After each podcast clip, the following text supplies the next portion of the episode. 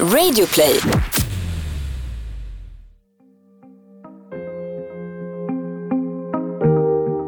De stora nyhetshändelserna påverkar alla svenskar. Men för några av oss blir de större än så. För människor som plötsligt hamnar mitt i dramats centrum. Den här podden är deras berättelser. Vem ska äga och styra de svenska företagen? Ska det vara som det brukar? Eller borde arbetstagarna på golvet få mer makt? Den frågan blir så het att det kulminerar i den största demonstrationen genom tiderna i Sverige. Och mitt bland 75 000 stridslystna svenskar står Jan-Erik Larsson. Välkommen till Jag var där, en podd från Radio Play med Mattias Bergman och Andreas Utterström.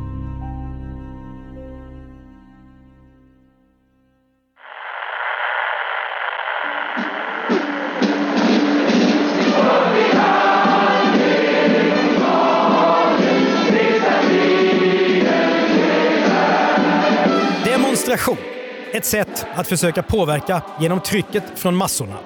Och ett inarbetat sätt för den svenska vänstern att göra sin stämma hörd. Både på första maj och genom hela 1900-talet. När vi hör arbetarrörelsen sjunga Internationalen här på 1970-talet så har Socialdemokraterna styrt Sverige i flera årtionden. Partiet har infriat sina arbetarväljares önskan om ett bättre liv. Men 70-talet är en ny tid. De ofattbart framgångsrika 50 och 60-talen, när Sverige går på högvarv och blir riktigt rikt, de är över. Svenskarna ser oljekrisen och industrikrisen i vitögat och oroar sig över sina löner och sina jobb.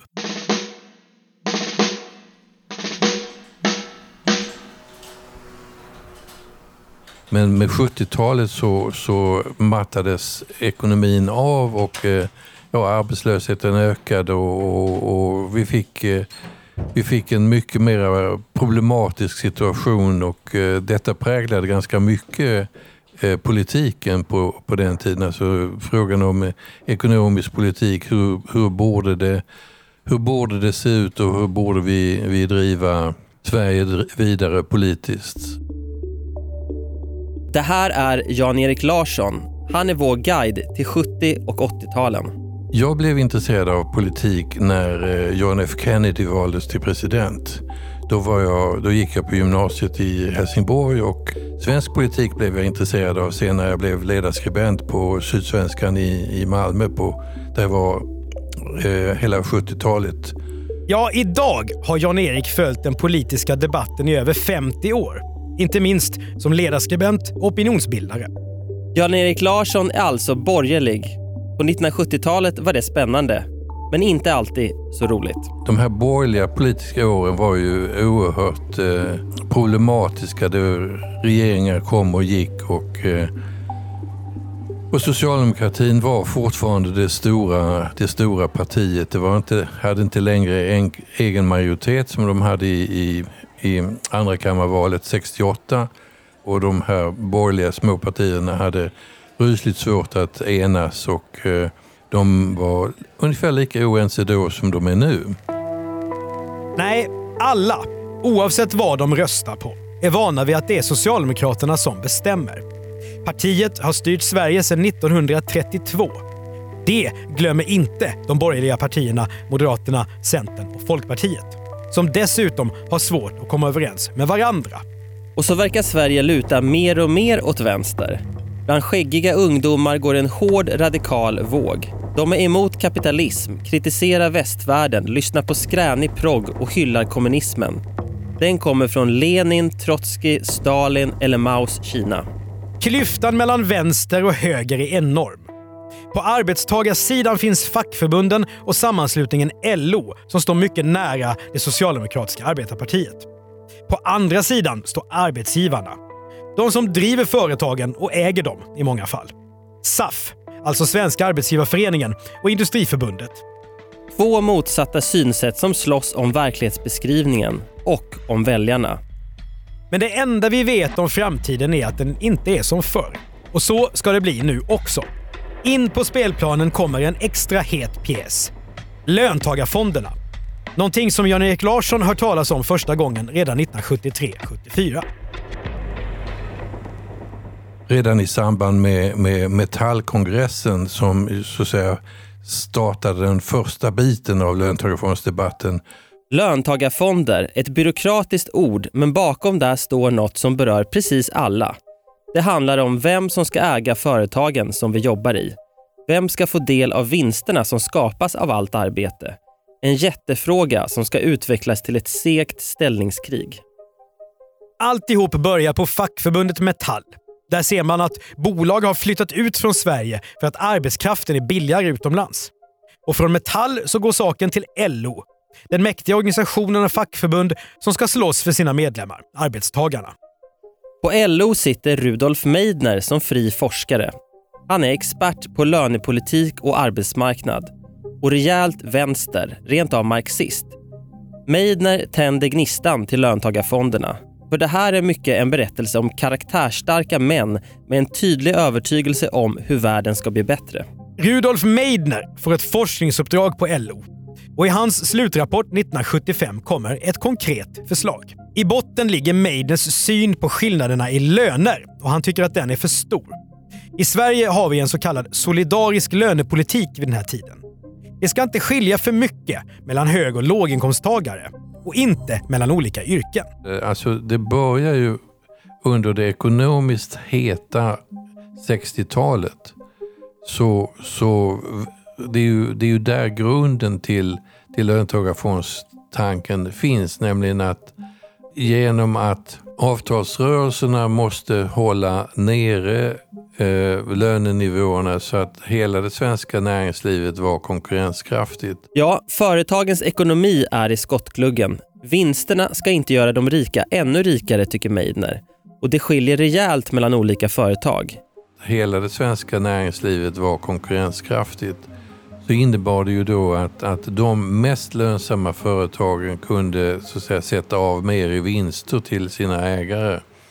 Och det var, så att i början så var det ju de vinsterna man var ute efter och som jag minns det så var nog tanken eh, i Metall var så att säga att hitta en, en konstruktion bara för, för så att säga citat övervinsterna, slutcitat. Där kommer Rudolf Meidners förslag in. Löntagarfonder. Delar av vinsterna i företagen, övervinster som det kallas, de ska gå in i speciella nya fonder som löntagarna kollektivt ska bestämma över. Det här är otroligt radikalt. Företagens kapital ska flyttas över till arbetstagarna.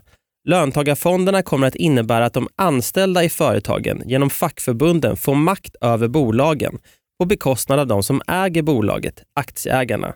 Det här är en revolution för hur hela den svenska ekonomin skulle fungera. Socialisering helt enkelt, där arbetarna tar över från arbetsgivarna. Socialdemokraterna bestämde allt i Sverige. Och så när det här kom så tror jag att min spontana reflektion var det att att jaha, då blir det väl så här. Jag tror att det var många som reagerade så. Det var ju många i, i, i framförallt storföretagens anställda verkställande direktörer i ganska hög utsträckning eh, resonerade på, på samma sätt. Ja, inte riktigt alla. När Hans Rausing som leder bjässebolaget Tetra Pak äter middag med Rudolf Meidner och får höra om hans idé ryggar han tillbaka i skräck.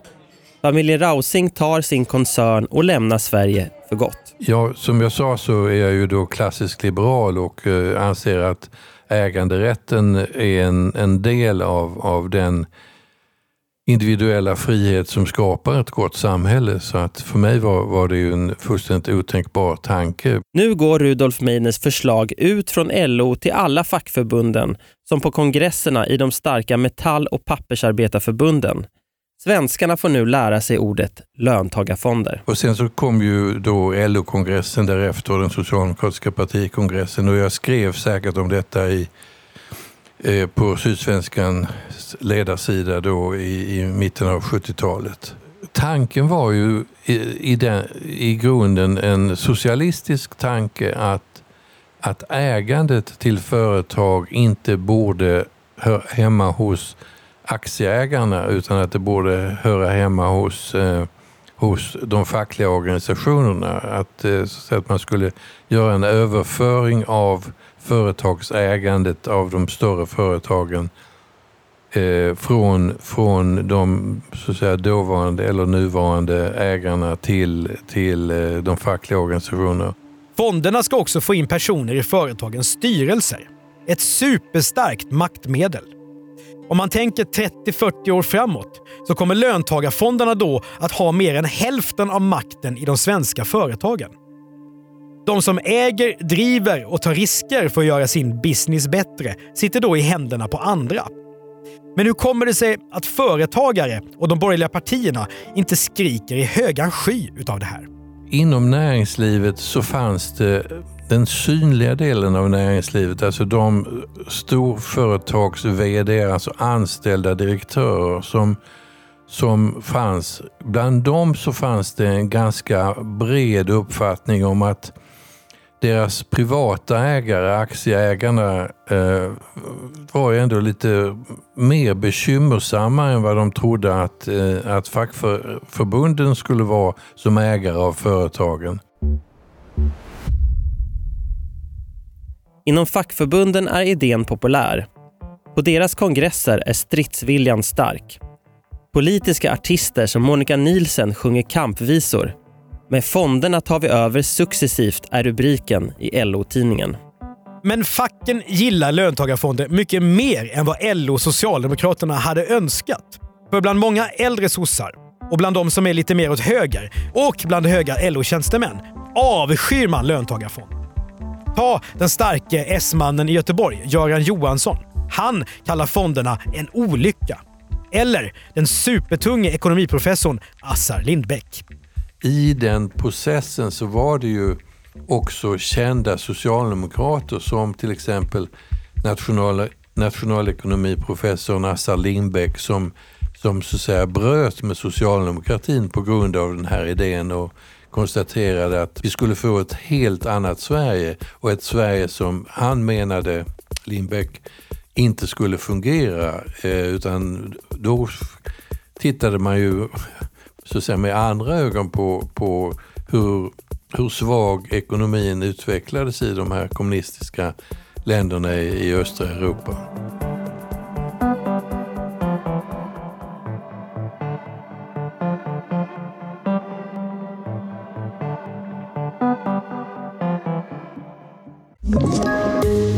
Poddtips från Podplay. I podden Något Kaiko garanterar östgötarna Brutti och jag, Davva, dig en stor dos skratt.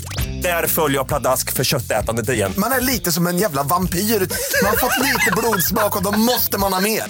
Udda spaningar, fängslande anekdoter och en och annan arg rant.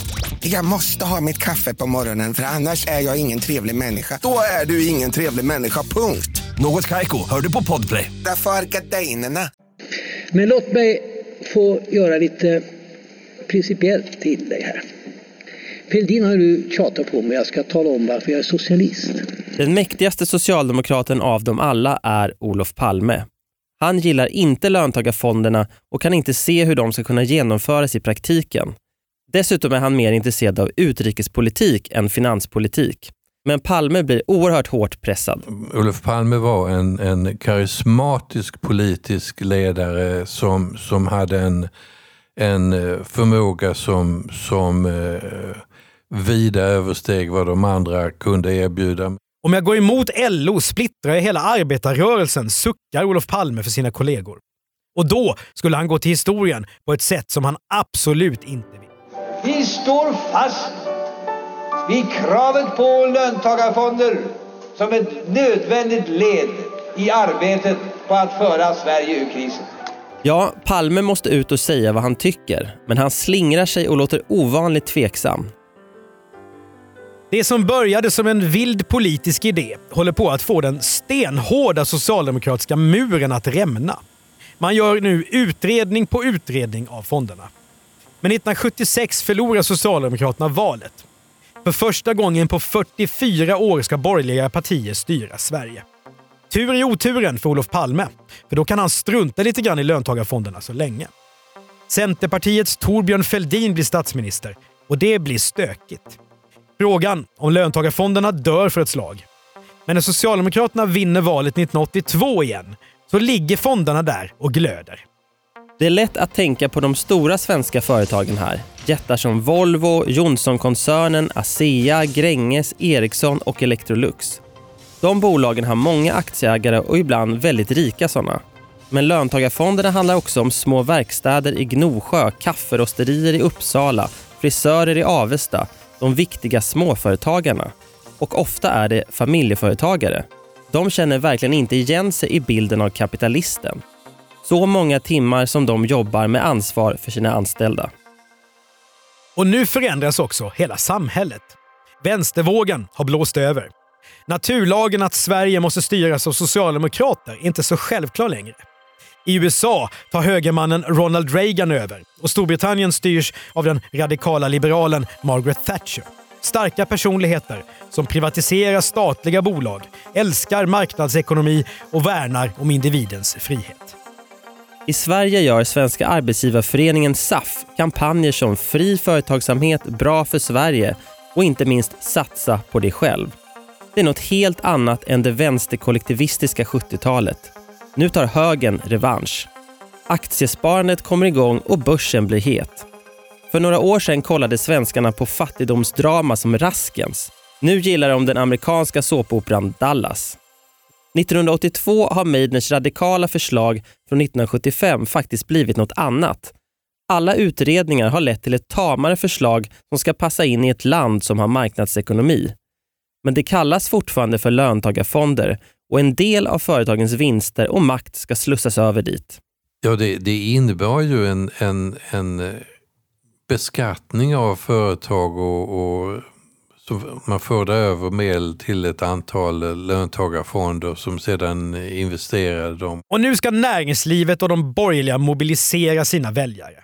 För de svenska företagarna blir osvenskt förbannade. Och det ska leda till någonting som aldrig skett förr. De individualistiska företagarna bildar grupp kring en gemensam sak och tar sin protest ut på gatorna. Min marginella lilla roll i det drama som sen utspelades var att jag blev i januari 1980 chefredaktör för den här tidningen som jag nämnde tidigare, alltså Svenska Arbetsgivareföreningens veckotidning. Och i den så började jag då intervjua ägare till små och medelstora företag. Den 30 juni 1983 kommer ett nytt förslag till löntagarfonder från Finansdepartementet. Det är sommar och precis före industrisemester när miljoner svenskar får ledigt. Men de som inte kan ta fem veckors ledigt är de svenska småföretagarna.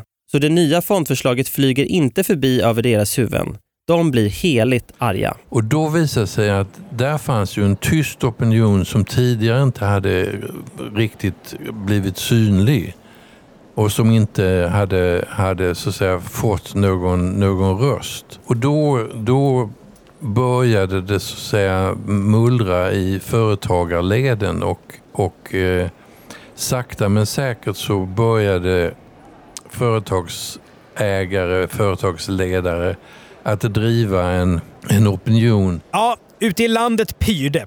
Från Borås till Borgholm, Nyköping till Örnsköldsvik sprids dekaler och debatt. I så kallade fondhörnor, bord och små träbås fyllda av lokala företagare, där drivs frågan nej till kollektiva löntagarfonder. Men de borgerliga partierna, ja, de har varit sena på bollen. Temperaturen inom företagarkretsar steg och, eh, och inom de borgerliga partierna så, så blev man varse eh, frågans vikt. Jag kan inte påstå att jag så att säga, var helt på det klara med att det skulle gå att välta det här projektet. Upp till kamp är rubriken i SAF-tidningen, alltså den som Jan-Erik Larsson är chefredaktör för. Det är den 14 juli 1983. Temperaturen på ledarsidorna höjs. Arbetsgivarnas kampanj lär falla på sitt eget grepp, det skrivs det på LOs kant. Sanningen är att det blåser en opinionsstorm som är det starkaste jag upplevt. Svenskarna tänker inte frivilligt låta sig socialiseras, svarar SAFs Sture Eskilsson. Nu kommer den stora protestidén. Den 4 oktober ska riksdagens arbete starta för hösten. Till på köpet är ett helt nyrenoverat riksdagshus. Just den här dagen ska fondmotståndarna tåga genom Stockholms innerstad i en demonstration. En kommitté bildas. 24 företagare från hela landet, från jättebolag som Electrolux till Asta Blommor i Växjö, skriver under uppropet. Istället för de hundratusentals eh, företag som nu finns och där var och en bestämmer eh, själv och på de allra flesta ställen i god samverkan med sina anställda. Gunnar Randholm, 60, kommer från det entreprenörsdrivna Småland. Han är familjeföretagare i andra generationen och styr elkoncernen Eldon. Nu blir han kändis som den som tar initiativet till fondmarschen. Fondförslaget är helt åt helvete för att tala svenska, säger Gunnar Randholm i tidningen Dagens Nyheter. Nu är högerväljarna mobiliserade. Skulle det borgerliga Sverige, det icke-socialistiska Sverige, verkligen gilla den här, det här formatet? Och eh, jag var osäker ända fram till så att säga, relativt kort tid före, före den här 4 oktober-demonstrationen. Men hur ska man få småföretagare, storbolagschefer, allmänna liberaler och högerväljare som gillar individens frihet att göra någonting så kollektivt som att demonstrera tillsammans? Man märker att arrangörerna har tänkt på den här frågan. Så här står det i annonser för demonstrationen. Det kan kännas ovant att demonstrera, att med plakat, fanor och musik tåga genom Stockholms gator för att vid riksdagshuset visa politikerna vad man tycker. Men när argument inte biter, när Socialdemokraterna tänker införa löntagarfonderna trots att en förkrossande majoritet av svenska folket inte vill ha fonder, då måste vi alla fondmotståndare ställa upp och säga ifrån. Det tror jag inte att eh, någon riktigt förutsåg förrän att man på, alldeles på slutet, ja, liksom veckorna före började inse liksom att det här skulle bli någonting helt annat än vad man hade, vad någon hade, hade trott. Eller, jag menar, det var ingen som tror jag kunde planera för att vi skulle få hundratusen människor som skulle tåga till riksdagen i, i protest mot löntagarfonderna. När Socialdemokraterna tänker införa löntagarfonderna trots att en förkrossande majoritet av svenska folket inte vill ha fonder, då måste vi alla fondmotståndare ställa upp och säga ifrån. Uppslutningen är massiv. På regionaltågen upp från Småland samma morgon utspelas scener som liknar uppsnacket i ett omklädningsrum inför en match. Marschlystna småföretagare med gul knapp på kavajslaget beger sig till huvudstaden för att döda löntagarfonderna en gång för alla. Upp till kamp var det. Den 4 oktober 1983 är en fuktig höstdag med ganska varmt väder. I parken Humlegården på Östermalm samlas demonstranterna klockan halv ett. De från södra Sverige och Småland längst norrut mot Karlavägen. Stockholmarna vid Kungliga biblioteket. Norrlänningar och TCO-are vid Sturegatan. Musikkårer eldar massan. Det är mycket folk. Många, många fler än vad man har trott. Humlegården räcker inte till. Polisen får hjälpa till och låta folk samlas på gatorna runt parken. Jag hade aldrig i mitt liv sett en så stor samling människor som de som samlades i Humlegården den här eh, oktoberdagen. Ja, Jan-Erik Larsson är såklart på plats. Men inte bara som demonstrant. Ja, jag jobbade ju. Jag, jag var ju eh, den här lilla tidningen som Svenska Arbetsgivareföreningen gav ut var ju en liten tidning och eh, vi hade ingen stor redaktion så det var ju inte så att jag kunde liksom bara lugnt marschera i tåget utan jag, jag marscherade i tåget men jag gjorde det genom att jag intervjuade folk som, som var med i tåget. Och, så att det, för mig var det en, en arbetsdag fast inte vi på kontoret utan på, på Stockholms gator. På vänstersidan har man uppmanat till motdemonstration, inte minst med annonser i den socialdemokratiska tidningen Aftonbladet. Vid Stureplan ropar några ur Socialdemokraternas ungdomsförbund SSU borgarbrackor mot demonstranterna. Men idag minns nästan ingen det. För kraften i 4 oktobermarschen blir en överraskning och en gigantisk framgång för fondmotståndarna. Så är det dags att tåga. Från Humlegården går marschen söderut med sikte mot Riksbron, vid riksdagen där ledamöterna ska ha en liten tillställning för att fira renoveringen. Av själva, själva demonstrationen har jag egentligen bara den här bilden av att det var många glada, entusiastiska människor som också, en del av dem jag pratade med var ju också liksom ja, överraskade över sig själva. Tänk att, att jag går här i en demonstration. Det är allmänt känt som Sveriges största demonstration. Exakt hur många som marscherar är inte helt klart. 100 000 säger arrangörerna. Idag brukar man skriva siffran 75 000 personer. 75 000. Det är som om alla i hela Luleå kommun skulle ut på Stockholms gator samtidigt. Och bland de här 75 000 personerna är det vissa som sticker ut. De stora företagsledarna som Björn Svedberg från Ericsson syns i tåget. Hans Werthén håller det specialgjorda plakatet Electroluxare mot fonder. Stefan Persson från klädkedjan Hennes Mauritz går också med. Och tidningarna gör en stor sak av att en viss Claes Palme, advokat och fondmotståndare, går i tåget. Han är nämligen bror till Olof Palme. Det tror jag inte betyder någonting alls egentligen därför att eh, eh det var ju liksom välkänt att, att Olof Palme var citat det svarta fåret i en mycket borgerlig eh, en mycket borgerlig familj. En demonstrant som blir marschens drottning är Antonia Jonsson Mörner som idag heter Axon Jonsson i efternamn. I höstbrun kappa sticker hon ut mot de medelålders männen i sina kostymer. Känns det ovant att demonstrera? Ja, väldigt ovant. Jag har aldrig demonstrerat tidigare. Hon styr över de mäktiga Jonsson-företagen som skapades av hennes farfars far. En av familjens grundregler är att inte synas utåt. Men nu har hon gjort ett undantag. Våra belackare kallar det direktörståget, säger hon.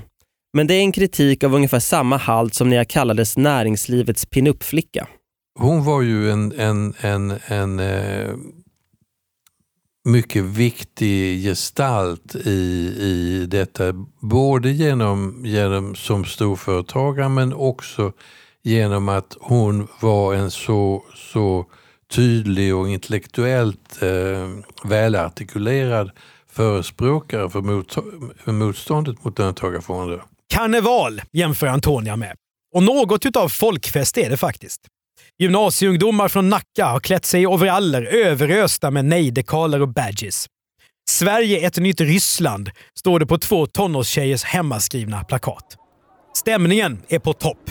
Eftersom det var så otroligt många människor så tog ju hela så säga, marschen tog ju en enormt lång tid. Det tog ju många timmar det här och jag sprang omkring där och, och, och, gick och pratade med folk och antecknade och tog bilder och så vidare. Så att eh, för mig var det ett, eh, säga, en, en sorts kulmen på de här åren, de här tre åren då jag hade skrivit och intervjuat massor med människor om löntagarfondsfrågan och skrivit mycket om den i, i tidningen under, under den, här, den här tiden. Många är med, men inte alla. När Jan-Erik Larsson tittar upp från tåget ser han hur folk på storföretagens huvudkontor nyfiket tittar ner från sina fönster. De har inte vågat gå ner och vara med själva. Och tunga företagare som PG Gyllenhammar, Jan Karlsson från SAS och Percy Barnevik skickar telegram istället för att delta. Det finns en rädsla för att ta ställning i frågan, enligt Jan-Erik. Det var ju inte riskfritt. Det var ju många som var rädda som tänkte att, att Tänk om, om, eh, om eh, Socialdemokraterna vinner på löntagarfondsförslaget och så vidare. Så det var ju ett risktagande, absolut. Tåget tar timmar. Efter klockan 15.00 närmar sig början av den jättelika skaran människor Norrbro, nära regeringsbyggnaderna och riksdagen. Här finns ett podium med talarstol. Några av dem som har skrivit under 4 oktober-uppropet mot fonderna talar. De berättar om hur de inte kan anställa nya arbetare om löntagarfonderna går igenom att de kommer att hamna i knipa som underleverantörer och att utländska investerare vänder Sverige ryggen om löntagarfonder införs. Operatenoren Rolf Björling sjunger nationalsången. Utländska medier har bevakat marschen. Uppe i det nyfräscha riksdagshuset kollar politikerna nyfiket ut genom fönstren. Men inte Olof Palme. När talmannen och de borgerliga partiledarna går ut och tar emot demonstranternas manifest är det Socialdemokraternas gruppledare som är med inte statsministern. Det är en fantastisk dag, i alla fall om man inte gillar löntagarfonder. Arrangörerna är glatt chockade över mängden människor. Vi är faktiskt en miljon på första maj, fnyser LO, men även de ser att det här är fullständigt unikt. Det skrevs ju historia på, på två sätt. För det första så visade näringslivet upp sig som en, en aktiv samhällsdebattör på ett sätt som faktiskt aldrig tidigare hade skett. Det var en unik händelse på, på, på, det, på det sättet. Men vad betyder demonstrationen? Socialdemokraternas förslag om löntagarfonderna ligger ju och riksdagen ska rösta. Vad händer med frågan? Den 21 december 1983 ska riksdagen debattera förslaget om de nya löntagarfonderna. Och det är många i kammaren som har något att säga. 108 riksdagsledamöter har anmält sig till talarstolen. Sen blir det omröstning. Med 164 ja-röster är det klart. Sverige har fått löntagarfonder. Jag har någon gång eh, erkänt ett misstag. Och det, det, det, detta tuggade och mumsade och idisslade våra politiska motståndare i, i åratal. I sin stol sitter socialdemokratiska finansministern Kjell-Olof Feldt. Han har länge varit övertygad om att löntagarfonderna inte är bra för landet. Nu är han mest trött på alltihop. Slutresultatet blev ju varken riktigt illa eller särskilt vettigt för Sverige, tycker han. Han tar sin kulspetspenna och klottrar ner en liten vers. Löntagarfonder är ett jävla skit, men nu har vi baxat dem ända hit. Sen ska de fyllas med varenda pamp som stött oss så starkt i våran kamp. Nu behöver vi inte gå flera ronder förrän Sverige är fullt av fonder. Jag, jag är en stor beundrare på många sätt av, av Feldt som ju, ju eh, bland annat skrivit den, den, tycker jag, allra bästa politiska eh, självbiografin. Så att säga, den, den aversion mot löntagarfondstanken som, eh, som fanns eh, i socialdemokratin. Feldts handstil är svårtolkad, men fotografen Paolo Rodriguez på Stockholms-Tidningen har skarpa linser i sin kamera. Dagen efter ser varenda politiskt intresserad svensk Kjell-Olof Feldts ironiska dikt. En av dem är Jan-Erik Larsson. Vad säger han om hur den stora, långa fejden om löntagarfonderna slutade? Den dog.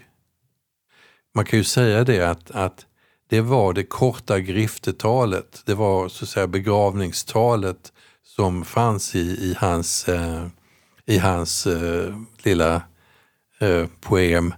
Eh, och det var nog ganska klart då att det fanns ingen som stod upp för löntagarfondsförslaget längre. Löntagarfonderna finns kvar under 80-talet utan att orsaka någon som helst debatt. När borgerliga partier vinner valet nästa gång, 1991, avskaffas de under nye statsministern Carl Bildt. Så var det ju ingen tillfällighet att det första han gjorde var att avskaffa löntagarfonderna. Jan-Erik Larsson valde nya politiska frågor att intressera sig för. Som folkomröstningen om EG 1994. Han har svårt att se en politisk fråga idag som skulle få ut så många människor på gatorna som löntagarfonderna gjorde. Det är att, att efter att debatten var helt avklarad så fick vi ett helt annat synsätt på entreprenörskap, företagande, näringslivets betydelse för landet. Ja, idag hyllar vi entreprenörskap. Och den 4 oktober 1983 ses som en historisk dag. Ett sätt att protestera mot när man tycker att politiker lägger sig i för mycket. Vilket personer som röstar åt höger ofta är kritiska till. Den diktande ministern Kjell-Olof Feldt är idag också väldigt tydlig med vad det första förslaget om löntagarfonder hade inneburit för Sverige. Vi hade fått stänga gränserna. För företag? Ja, för människor med pengar.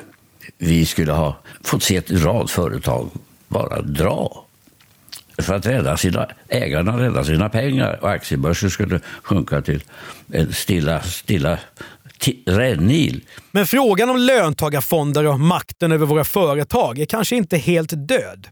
I Storbritannien 2019 har Labour-ledaren Jeremy Corbyn långt gångna tankar på att staten ska ta över privata bolag. Och samma år skriver tidningen Aftonbladets socialdemokratiska ledarsida att det kan vara på tiden att plocka fram idén om löntagarfonder. Både Socialdemokraternas och Vänsterpartiets ungdomsförbund har frågan i sina principprogram. Kanske ser vi i en framtid tiotusentals svenskar på gatorna ropa slagord för löntagarfonder i en ny demonstration om vem som ska äga det vi skapar tillsammans med våra jobb. Du har hört ett avsnitt av Jag var där, en podcast från Radio Play av Andreas Utterström och Mattias Bergman. Från Radio Play kan du också lyssna på misslyckade affärer, misslyckade brott och misslyckade makthavare. När vi inte gör de här poddarna kallar vi oss för commercial content, hjälper bolag att berätta om sig själva och gör då podcasten världens bästa innehåll. Exekutiv producent Jonas Lindskov. Prenumerera och betygsätt gärna podden i din poddplattform så är det fler som hittar till den. Om du vill tipsa oss om case vi borde prata om i Jag var där, mejla gärna till jagvardar.bplus.se.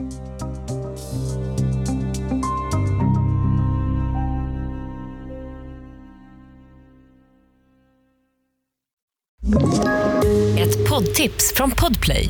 I fallen jag aldrig glömmer djupdyker Hasse Aro i arbetet bakom några av Sveriges mest uppseendeväckande brottsutredningar. Går vi in med hemlig telefonavlyssning och, och då upplever vi att vi får en total förändring av hans beteende. Vad är det som händer nu? Vem är det som läcker? Och så säger han att jag är kriminell, jag har varit kriminell i hela mitt liv men att mörda ett barn, där går min gräns. Nya säsongen av Fallen jag aldrig glömmer på Podplay.